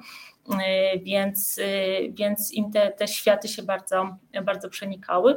W każdym razie Zofia Jechimecka w dwudziestoleciu międzywojennym była bardzo wziętą tłumaczką. No właściwie można powiedzieć, że ona też tak nam implantowała E, teatr, e, współczesny e, teatr włoski na, na polskie sceny. Dyrektorzy teatrów krakowskich bardzo się liczyli z jej zdaniem i jej gustem, mm, a ona również dzięki, dzięki podróżom i osobistym znajomością z pisarzami, dramatopisarzami włoskimi była bardzo E, bardzo na bieżąco. Także e, mnie to zawsze bardzo cieszy, kiedy okazuje się, że postać, e, która mnie jakoś tam fascynuje, właśnie ze względu na, na tą obecność w obrazach, nagle okazuje się również osobą twórczą i, i, i to jest zawsze jakaś taka, taka wartość dodana. Państwo do nas cały czas dołączają. Emilia tutaj wyłowiła z Twojej wypowiedzi, ale też z deklaracji jednej z Twoich bohaterek. Przeżyć życie na wskroś estetycznie. Perełka, więc proszę sobie zapisywać. Pani Dominika, dziękuję za no, wspaniały wieczór. Dziękuję. Pani Dominiko, my się też dopisujemy, tam e, wpraszamy do Pani na herbatkę i ciasteczko. E, cudowne opowieści tutaj już e, Małgorzata nam serwuje. Pani Alicja pisze, że piękne opowieści docierają też do Heidelbergu. Bardzo się cieszę i tutaj Agnieszka właśnie napisała przeżyć życie na wskroś estetycznie zapisałam sobie w kajeciku. To drogie panie i drodzy panowie, przeżyjmy życie na wskroś estetycznie, dbając o takie detale, które czasami potrafią nam poprawić humor. Ja jeszcze tylko y, przypomnę to, o czym zresztą piszesz, bo bazuje oczywiście na książce Kobiety z obrazów. Do wybuchu II wojny światowej Zofia Jachimecka przetłumaczyła blisko 80 sztuk, 35 autorów. E, piszesz m.in. o przekładzie bajki Pinokio Kolodiego, który po wojnie przyniósł jej powodzenie. Najprawdopodobniej on powstał ten przekład oczywiście e, dużo e, wcześniej. To teraz mhm. muszę się Państwu do czegoś przyznać, że po przeczytaniu historii, która otwiera rozdział o Zofii Stryjeńskiej, postanowiłam sobie, że kiedyś zrobię taki numer, jaki wywinęła Zofia podczas e, obiadu. Więc teraz wyobraźmy sobie, że jesteśmy u Państwa Janiny i Jakuba Mortkowiczów, czyli znanych wówczas wydawców i księgarzy. Jest, są Państwo zaproszeni do stołu. Podano zupę pomidorową. Nie wiemy, czy z ryżem, czy z makaronem, bo tutaj e, też są przecież e, różne opcje. No i nagle nasza Zofia Stryjeńska e, odwraca ten porcelanowy talerz dnem do góry i jest poruszenie przy stole, nikt nie wie o co chodzi, a ona niewinnie stwierdza, chciałam tylko sprawdzić, jaka to marka. No jest to cudowne i jeżeli ktoś z Państwa się też odważy i to zrealizuje, to ja poproszę o relację. E, ja myślę, że taki numer można zrobić szczególnie podczas takich spotkań. Niektórzy tutaj narzekali podczas świąt, że znowu będą pytania, a kiedy dzidziuś, a kiedy będziesz miał dziewczynę, a kiedy to są takie setki pytań, które pewnie Państwo słyszą w różnych e, kombinacjach, to wtedy można ten talerzyk z zupą obrócić i kompletnie zmienić temat. Bieg historii Pokazuje... można zmienić, obiadu, nie? Co prawda. Przy okazji Zofii Stryjeńskiej w archiwum od wydawnictwa Marginesy, czyli twojego wydawcy, mam pracę Zofii Stryjeńskiej i ujmuje mnie absolutnie kolorystyka. Na przykład tej pracy, już Państwu szukuję też opis, żeby tutaj nie było najmniejszych wątpliwości. Powitanie o wschodzie słońca z cyklu Zaloty z kolekcji Desy. Powiedz trochę o Zofii, bo to też jest taki bardzo skomplikowany życiorys, y, no właśnie pełen spełnienia i niespełnienia jednocześnie. No ten życiorys jest y, tak skomplikowany, że ja y, znowu zasiadałam do pisania o Stryjeńskiej z takim lekkim niepokojem, bo tak to jest przy tych właśnie postaciach jak Poznańska, Stryjeńska, Łępicka, że one w sumie są dość dobrze znane, dość dobrze opisane. I ja mam zawsze, dla mnie to jest zawsze ogromne e, wyzwanie, żeby tak e, wejść w tą biografię na tyle mocno, żeby jakoś tak wyczuć tą historię. Czasami udaje się tak e, opowiedzieć trochę inaczej. I mnie akurat, jeśli chodzi o Stryjeńską, jakoś tak trochę denerwowało i trochę bolało, że mm, opowieści o niej to są takie właśnie złożone z tych wyimków z jej dzienników, a ona miała bardzo potoczysty język i kiedy mówiłyśmy o Roszkowskiej i tej, tej jej bardzo indywidualnym języku, to tutaj u Stryjeńskiej to jest jeszcze mocniejsze, jest jeszcze inne mm, i ona tak po prostu potrafiła chlastać językiem jak, jak nie wiem, farbą y, na płótnie. Y, więc, y, więc bardzo często te jej mocne wypowiedzi są wyjmowane z kontekstu i wtedy wydaje się, że ona cały czas jest na takim wzlocie, trochę jakby to jej życie po prostu y, upływało na jakimś nieustającym y, haju, jakby była cały czas na jakichś takich y, pobudzaczach. A tymczasem to znowu było życie w dużej mierze nieszczęśliwe, niespełnione, takie życie, gdzie ja mam wrażenie, i zresztą to nawet nie wrażenie, tylko przekonana o tym była sama Stryjeńska. Coś poszło bardzo nie tak i właściwie mogła o to winić i winiła e, siebie samą, bo, e, bo ten jej talent, ogromny, ogromny talent, który już po prostu na początku lat dwudziestych e, sprawił, że mm, że krytycy okrzyknęli ją księżniczką polskiego malarstwa i, i ten przydomek do niej przylgnął na dobre i na złe, chociaż właściwie po latach to sama o sobie mogła powiedzieć, że jest raczej nędzarką polskiego malarstwa niż tą księżniczką, bo, bo ta kariera, która właśnie szybko ją wyniosła bardzo, bardzo wysoko, no to potem e, jednak e, jakoś tak jak, jak lawina potoczyła się e, w dół i właściwie Stryjeńska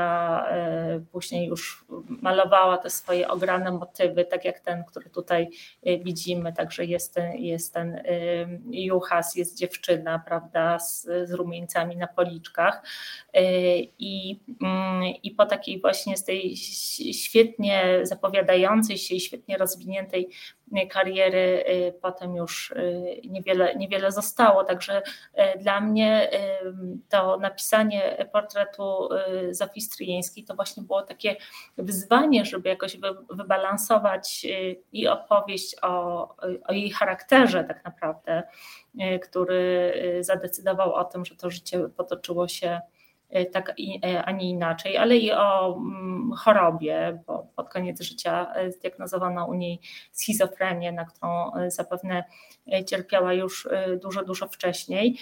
Także oczywiście dużo tu dramatu, ale też wiele takiej witalności właśnie. Stryjeńska jest jednak w dużej mierze taka, jak widzimy to na jej obrazach właśnie jest w tym ta słowiańska siła i niesamowita witalność. Ja mam tutaj przed sobą takie dwie wypowiedzi, które zestawione pokazują ten taki nieustanny konflikt i też e, coś, co jest pewnie udziałem wielu osób, które gdzieś miątają się między życiem prywatnym a zawodowym i mają poczucie czasami będąc w pracy, że powinny być w domu, a będąc w domu mhm. brakuje im też e, takich, no, takich podniec zawodowych, które pozwalają się rozwijać, otwierać nowe rozdziały. I z jednej strony cytujesz to jej wyznanie, kiedy mówi Boże, odbierz mi wszystko, wszystko, dobrobyt, sytość, spokój, spokój, przyjaźń ludzką, szczęście rodzinne, nawet miłość. Zwalna mnie cierpienie moralne i tysięczne gorycze, ale w zamian za to daj mi możliwość wypowiedzenia się artystycznego i sławę. I to wręcz y, jak taka E, no trochę jak kuszenie losu wręcz. Nawet wiesz, boję się teraz, jak to wypowiedziałam, żeby nikt tego nie uznał za moje. Proszę tego nie, nie traktować tam nie, na górze. Naprawdę, to nie moje. To stryjeńska Zofia. Ale z drugiej strony jest... w młodych latach. Tak, tak, tak, ale jest taki fragment też właśnie pod koniec życia, kiedy ona mówi: Przegrałam. Nie mogę się ciągle z tym pogodzić, że życie rodzinne to pozycja dla mnie przegrana, już stracona. Dawno ją spaliłam na tak zwanym ołtarzu sztuki. E, I też e, mm, takie zdanie, które myślę, że znowu się pojawia, i, i ta uniwersalność Twojej książki jest bardzo ważna. W wielu głowach, kiedy Wielu z nas pewnie raz na jakiś czas zdaje sobie sprawę, że w coś bardzo mocno zawodowo się zaangażowaliśmy, ale widzimy, że zawsze to jest waga. Coś zyskujemy, coś tracimy. Nawet z Krzysztofem Wielickim o tym rozmawialiśmy, że jako młody wspinacz on kompletnie nie myślał o tym. Mówił wprost tutaj, powiedział mi kiedyś, że był egoistą, że dopiero w późnym wieku, kiedy się urodził jego syn, to zrozumiał, że jednak się trzeba zatrzymać, że jest coś innego. I tam jest takie zdanie u Zofii Stryjeńskiej, mnie już niedobrze się robi na widok farb, co kradną mi chwilę młodości, nie dając w zamian nic, prócz trochę pieniędzy i kilku świstków z recenzjami. Czyli taka, no, wspólna pewnie nam wszystkim od czasu do czasu taka szamotanina pomiędzy jakimś pragnieniem, nie wiem, rozpoznawalności, ważności dla świata, a takim niespełnieniem w tym, no, takim rodzinnym świecie, bardzo istotnym przecież. Tak, to u, u, akurat u Stryjeńskiej to jest y, takie bardzo widoczne i bardzo niewybalansowane, właściwie w ogóle niewybalansowane, bo ona y, wprawdzie kocha swoje dzieci, ale nigdy się nie, nimi nie zajmuje. Y, nie wiem, kocha męża, ale ucieka od niego, żeby malować, prawda?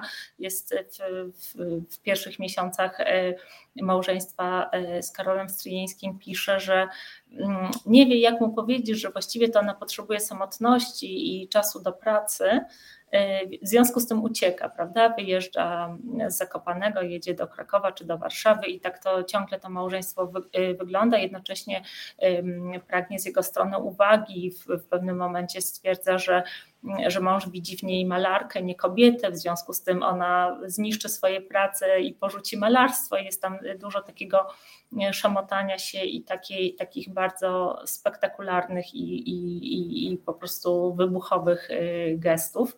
Y, które więcej niż, niszczą niż budują tak naprawdę. Y, więc ja widzę w Ustryjeńskiej jakiś po prostu niesamowity pęd do samozniszczenia tak naprawdę i to jest, to jest bardzo, bardzo, bardzo bolesne.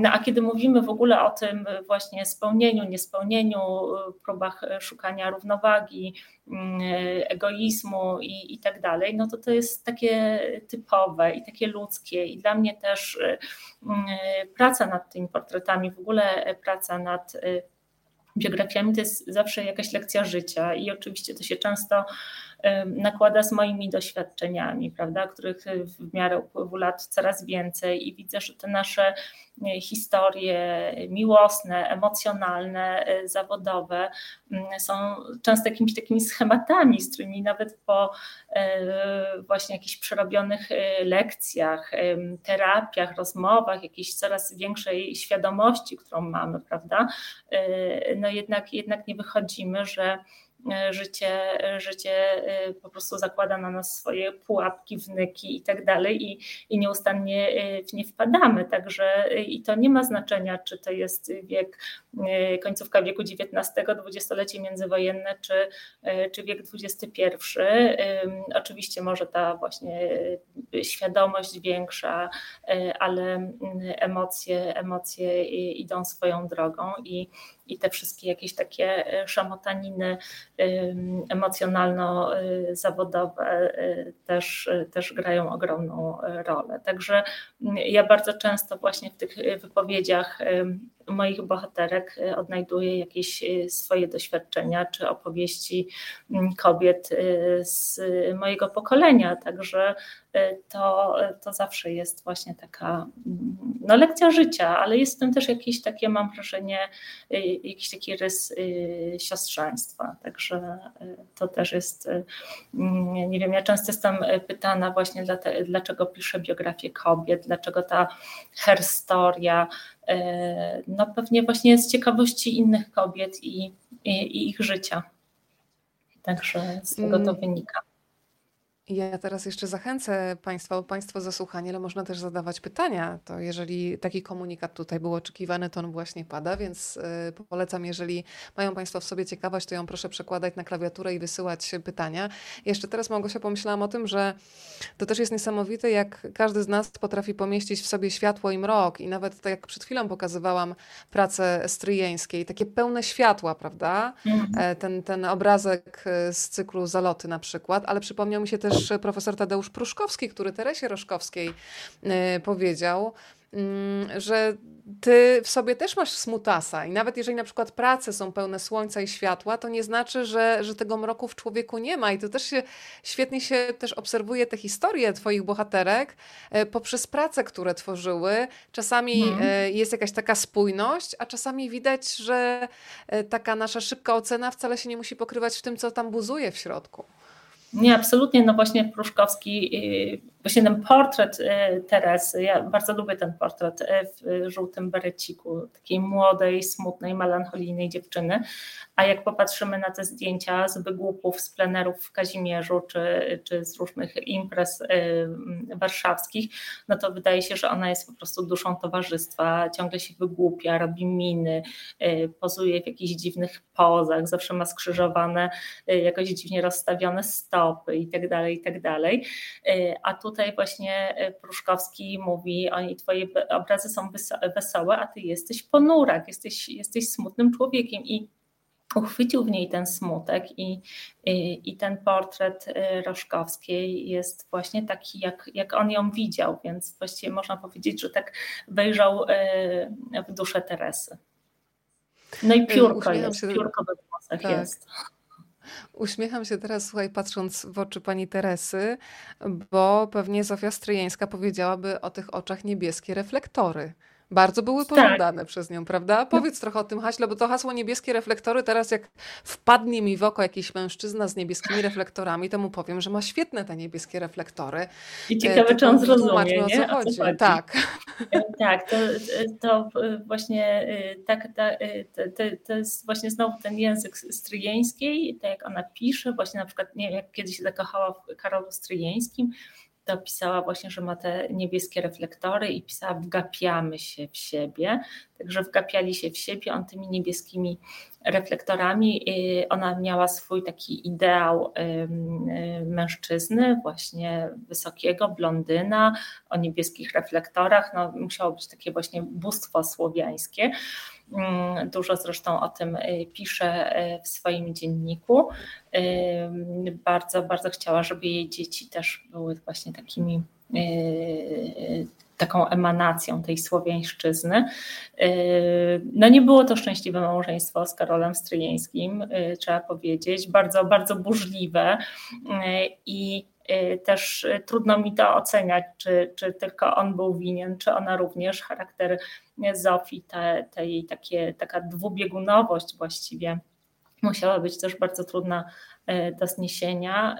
No a potem grę weszły jeszcze romanse Karola, natomiast wydaje się, że że Stryjeńska była, była jednak w takim pożyciu na co dzień bardzo, bardzo trudną partnerką, także e, ja nigdy, nigdy nie, nie oceniam moich bohaterek, ani nie stawiam jakichś takich jednoznacznych e, diagnoz, raczej staram się jakoś tak trafnie użyć tych opisów, czy, czy cytatów, i żeby, żeby czytelniczka, czytelnik e, sami doszli do jakichś swoich wniosków, które często wynikają po prostu też z naszych doświadczeń czy, czy naszej e, wrażliwości, więc, e, e, więc staram się oczywiście zgodnie z faktami, ale też jakoś wejść w, no troszeczkę w taką psychologię postaci, oczywiście nie, nie zabawiając się w, jakąś, w jakiegoś psychologa z Bożej łaski, bo nie mam do tego żadnych kompetencji, ale, ale jak się prześledzi y, wszystkie źródła i oczywiście też tutaj często dzieła sztuki i tak dalej, to, to często udaje się uchwycić jakiś taki rys psychologiczny postaci. E, pani Ania pisze, te wszystkie kobiety malarki odegrały chyba dużą rolę w emancypacji kobiet. Dulembianka też wyjechała do Paryża studiować sztukę, ale szybko stała się kobietą walczącą o inne społeczne wartości. Stryjeńska, boznańska czy wcześniej bilińska poprzez skrajnie inne życie komentowane w prasie znacznie wpłynęły na społeczne zachowania. Nie powiem... Yy, że mnie naprawdę bardzo mi imponuje też taka świadomość ich talentu, takie autorozpoznanie, bo w wielu, u wielu Twoich bohaterek cytujesz takie fragmenty, które one doskonale wiedzą, że to, co robią, jest dobre. E, I mają jakąś taką wewnątrz sterowalność, co jest niezwykle ważne, że nawet jeżeli świat czasami powątpiewa, jeżeli rzuca kolejne kłody pod nogi, to one mobilizują jeszcze więcej siły, idą do przodu. Ale teraz mi przyszło jeszcze takie pytanie do głowy, na ile, bo to są bardzo różne życiorysy, ale na przykład Helena Modrzejewska, no ona to w teatrze nie doświadczyła chyba za bardzo takiego siostrzeństwa, tylko takiej no dość sporej zazdrości zawodowej w momencie, kiedy zaczęła No bo chyba tego w teatrze, a w każdym tak. razie wtedy nie, nie było, prawda? Tutaj każdy tak. E, walczył o swoje, ale pani Anna, e, ta, pani Anna, tak ma pani rację, to, jest, to są rzeczywiście takie no, przynajmniej dla, e, dla e, kultury polskiej, dla tej e, historii emancypacji w świecie sztuki, no to te, te przykłady to są takie, takie kamienie milowe. Bilińska, która Mm, e, która przez chwilę zastanawia się, czy może by prywatnie nie studiować u Matejki, oczywiście tylko dlatego prywatnie, że Szkoła Sztuk Pięknych w Krakowie nie przyjmuje, jeszcze długo nie będzie przyjmować mm, kobiet, e, ale jednak, jednak decyduje się na Paryż i tam właśnie szybko przekonuje się, że jednak e, Matejko i jego szkoła, no to, to, to po prostu jakaś prehistoria, prawda, gdzie nie można nawet studiować nagiego modela, nie mówiąc o nagich o nagiej modelce, bo tego Matejko swoim studentom absolutnie zabraniał. Więc jedzie do Paryża, gdzie tak naprawdę znowu ta opowieść o artyście czy artystce cierpiącej nędzę, często nawet głód, ale właśnie w imię, w imię sztuki, no to już takie typowe, ale tutaj no rzeczywiście ona właściwie można powiedzieć, że poświęciła swoje zdrowie dla, dla, dla sztuki.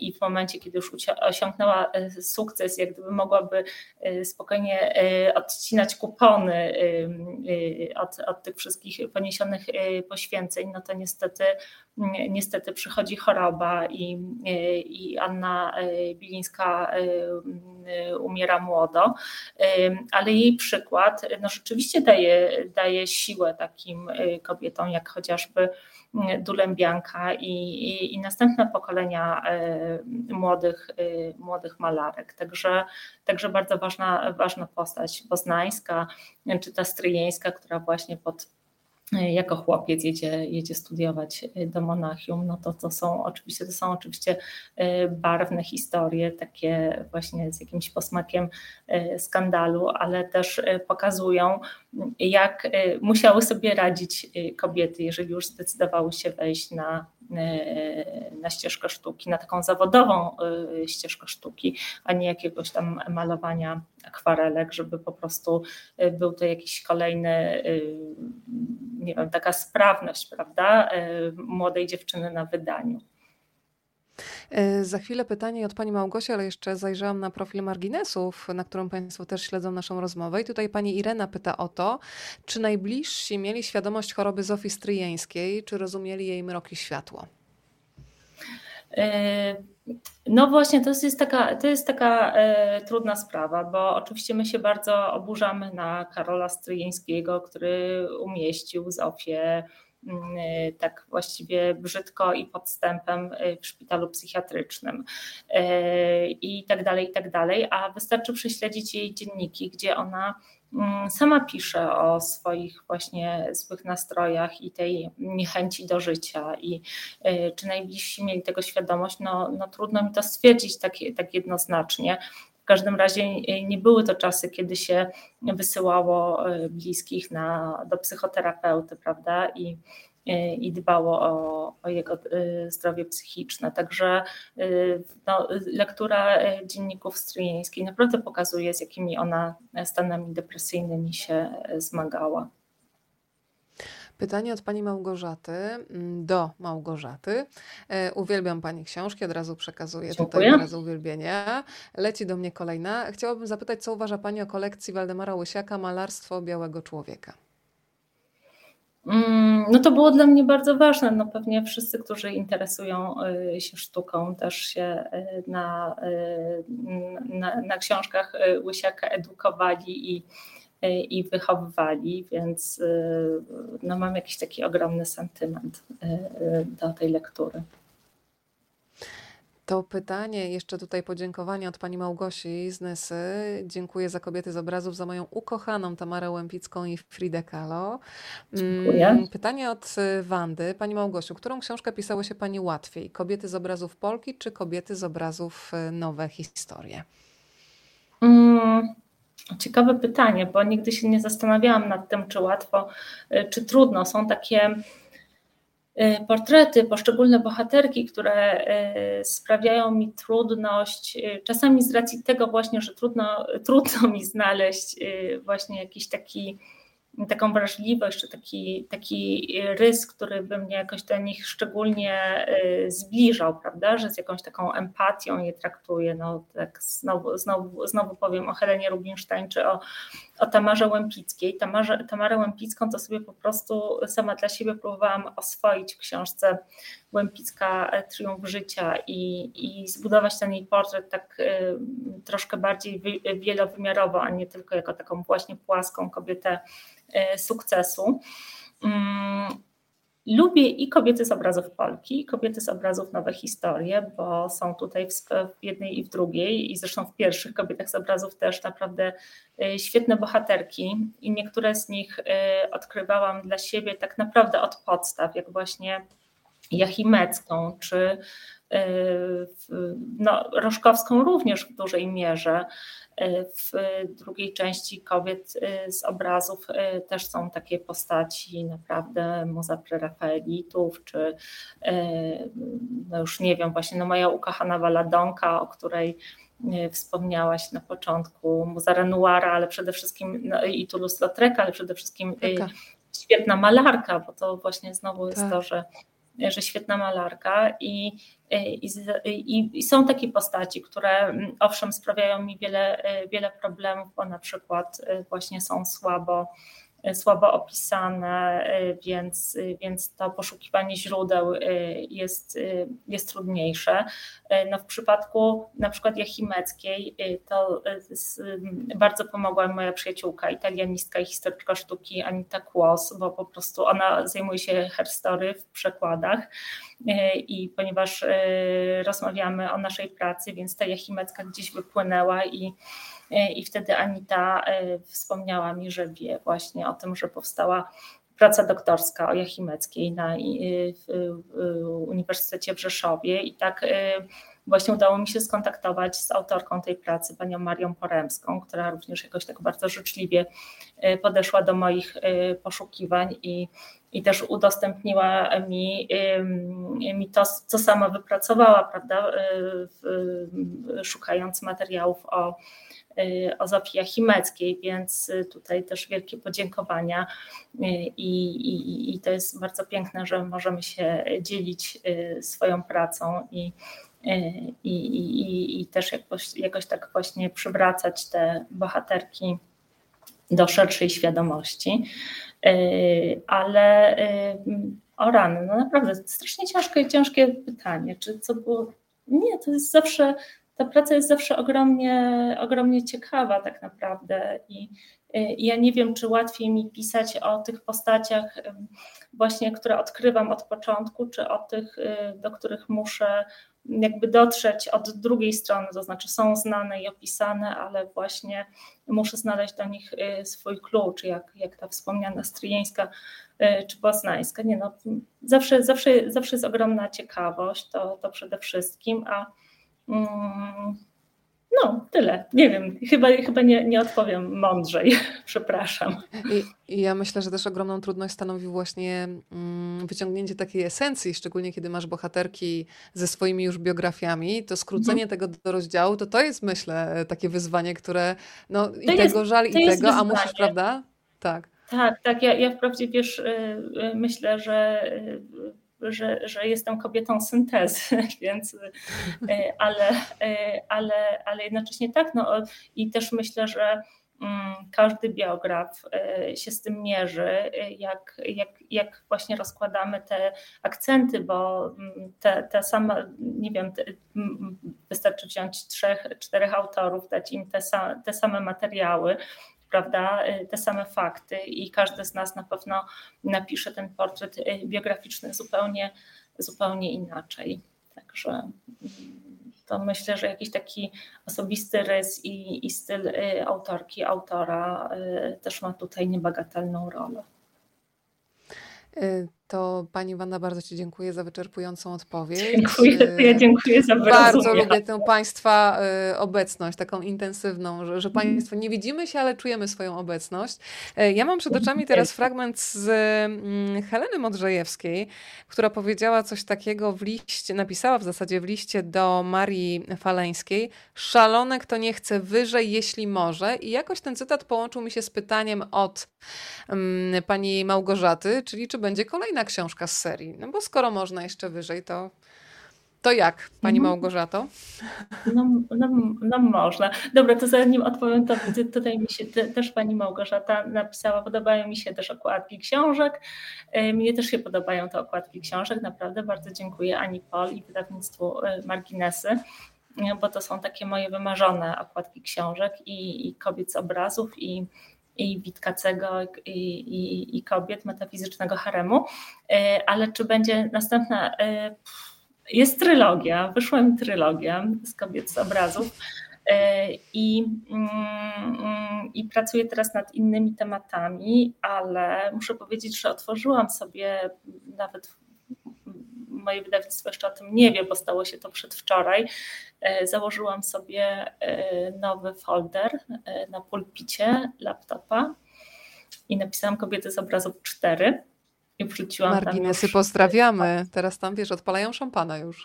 Nie wiem, nie wiem, nie wiem, ale to, to, to tak od razu to tego, to tego nie będzie, ale mm, rzeczywiście jak miałam taki moment, że myślałam, że potrzebuje większego formatu biografii, tak jak to się działo przy Kobro, przy Berezowskiej, yy, właśnie, które poz, pozwala na jakiś taki jednak na, na badania źródłowe.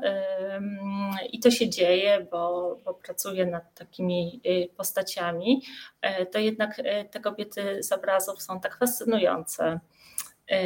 I, i i muszę powiedzieć, że y, ostatnio, na, jak mi się przypomniał, jakiś nawet, y, no, no, już nawet takie bardzo współczesne obrazy i kobiety z obrazów fascynujące już mi chodzą, chodzą po głowie, także nie mówię nie. Zobacz, jaka jest reakcja marginesów. Szampan już czeka na ciebie. No, Dostarczysz. No, Serce na dłoni, czekają już. Słuchaj, to mm, muszę jeszcze Cię zapytać, bo jest tutaj pytanie jeszcze e, od widza, lub to jest Widzka się kryje za tym nikiem, ja już wiem, na YouTubie. No. Pytanie, które brzmi, czy jest coś, co czerpie Pani dla siebie z tych życiorysów, jakieś lekcje życiowe? Znaczy, no na pewno, tylko pewnie tak, tak podskórnie e, bardziej, bo to nie są jakieś recepty na życie, to jest raczej e, taka recepta na bycie otwartym i na y, jednak takie, taką zgodę na niepewność, co los przyniesie y, bo te scenariusze są bardzo, y, bardzo różne i wystarczy przeczytać dwie, trzy biografie, żeby wiedzieć, że zwroty akcji bywają ostre.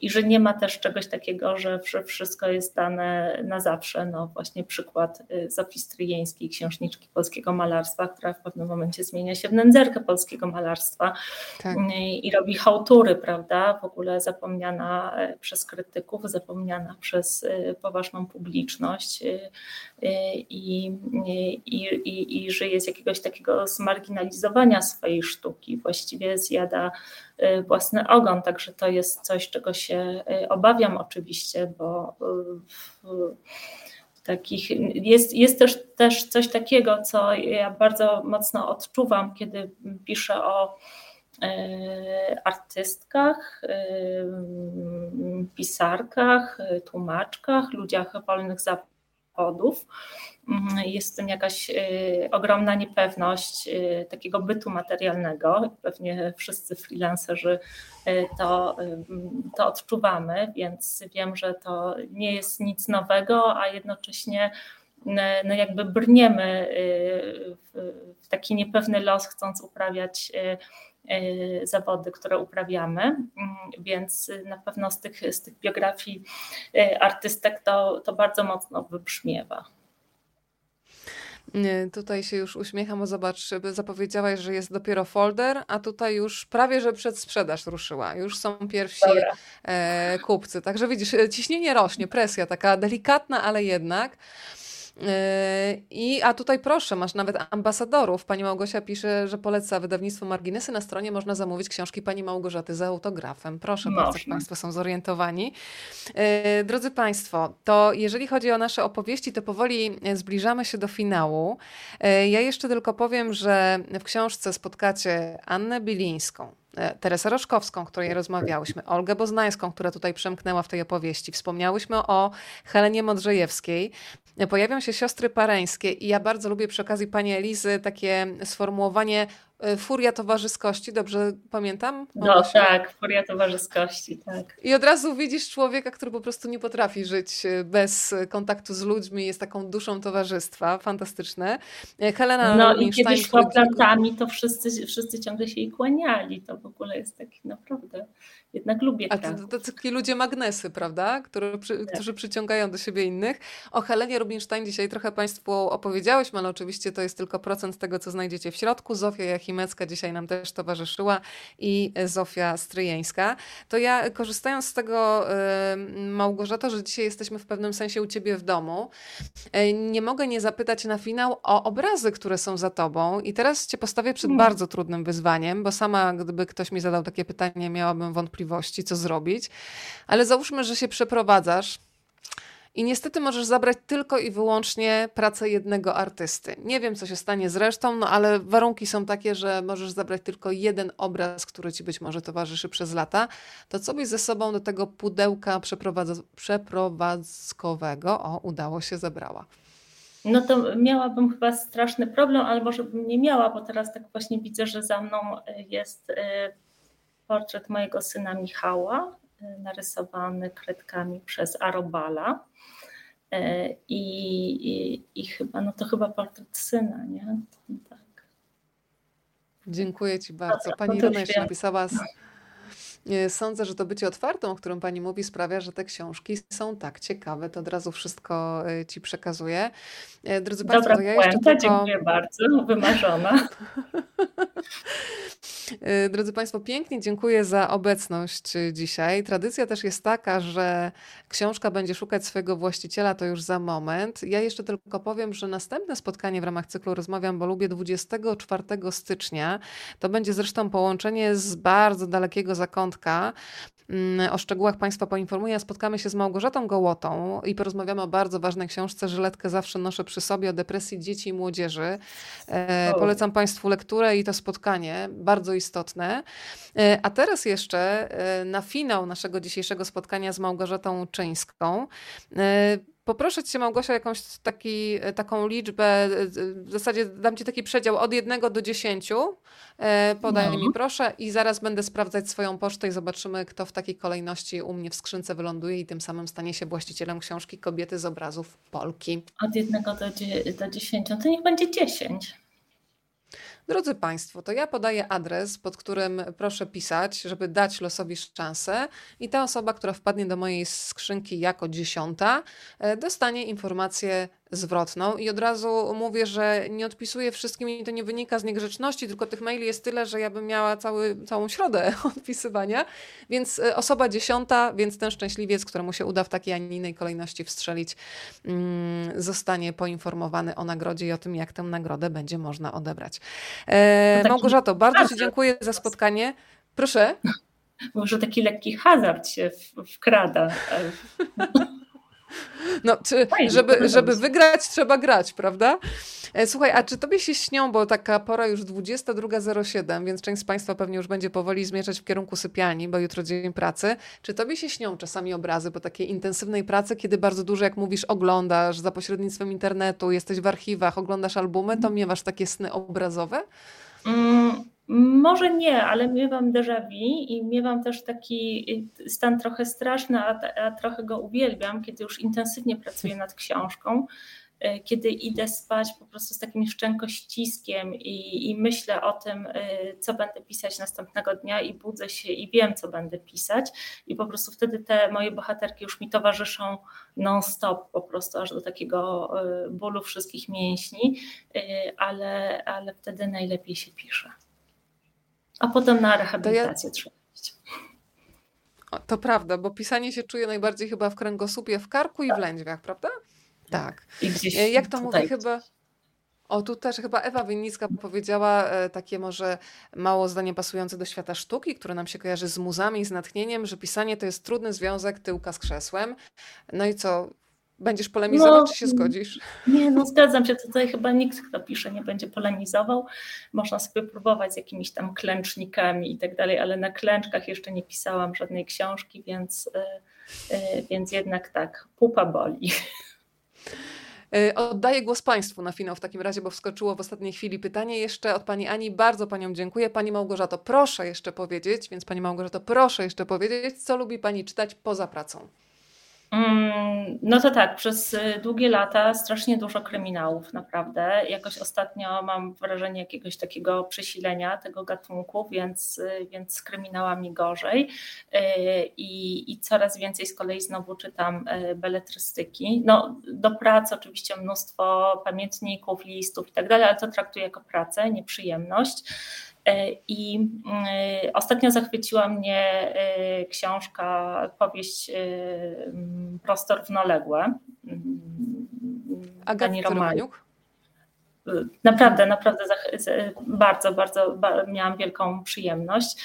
No a tak, no to mam oczywiście też takie swoje evergreeny i jednak e, tak mówię, że jakkolwiek e, pretensjonalnie to brzmi, to jednak książką mojego życia jest w poszukiwaniu straconego czasu i, i od lat już po prostu słucham tego na okrągło e, jako audiobook, audiobooków i, i to jest zawsze wspaniałe. A ja się uśmiechnęłam, bo znowu zrobię komuś chyba w takim razie dzień, bo nagram ten fragmencik, kiedy mówisz o książce Gaty Romaniuk, bo uwielbiam ją właśnie i jako pisarkę, i jako osobę e, i na pewno jutro jej się dobrze zacznie, w takim razie środa. Mm, ale y, i tak się trudno rozstać, tak się trudno rozstać. W zasadzie teraz mam taki refren w głowie, bo jeszcze ktoś tutaj wskoczył. Słuchajcie, ostatnie pytanie już, bo tutaj jakąś dyscyplinę muszę zarządzić. E, pani Małgosia jeszcze. Pani Małgorzato, o tutaj.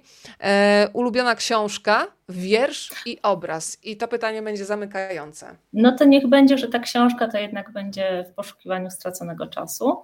E, wiersz, no to nie wiem, chyba będzie to jakiś, e, chyba jakaś Pawlikowska Snożewska jednak, z tych takich właśnie młodzieńczych zachwytów, ale takich, które się bronią jednak, bo wracam teraz e, bardzo dużo do Pawlikowskiej Snożewskiej. Obraz, nie wiem, nie wybiorę, za trudne. E, naprawdę za trudne. Powiem jeszcze tylko a propos ostatnich lektur, y, bo właśnie ta książka Agaty Romaniuk super, ale przeczytałam też rewelacyjną y, książkę, y, Marginesy ją wydały, więc ukłon do wydawcy, lekcje chemii, autorki nie pamiętam, ale, ale naprawdę bardzo przyjemna lektura. Bardzo Ci dziękuję za rozmowę, za wrażliwość, za tutaj taką wieczorną wymianę myśli z naszymi widzami Dzięki i widzkami. Wielkie. I czekamy w takim razie że na to, że ciąg dalszy nastąpi, bo tutaj Państwo już kajeciki przygotowali, tylko są ciekawi, kiedy będą mogli sobie wpisać kolejne spotkanie z Małgorzatą Czyńską. Spokojnej nocy i do zobaczenia. Dzięki Weroniko, dziękuję Państwu i dobranoc wszystkim.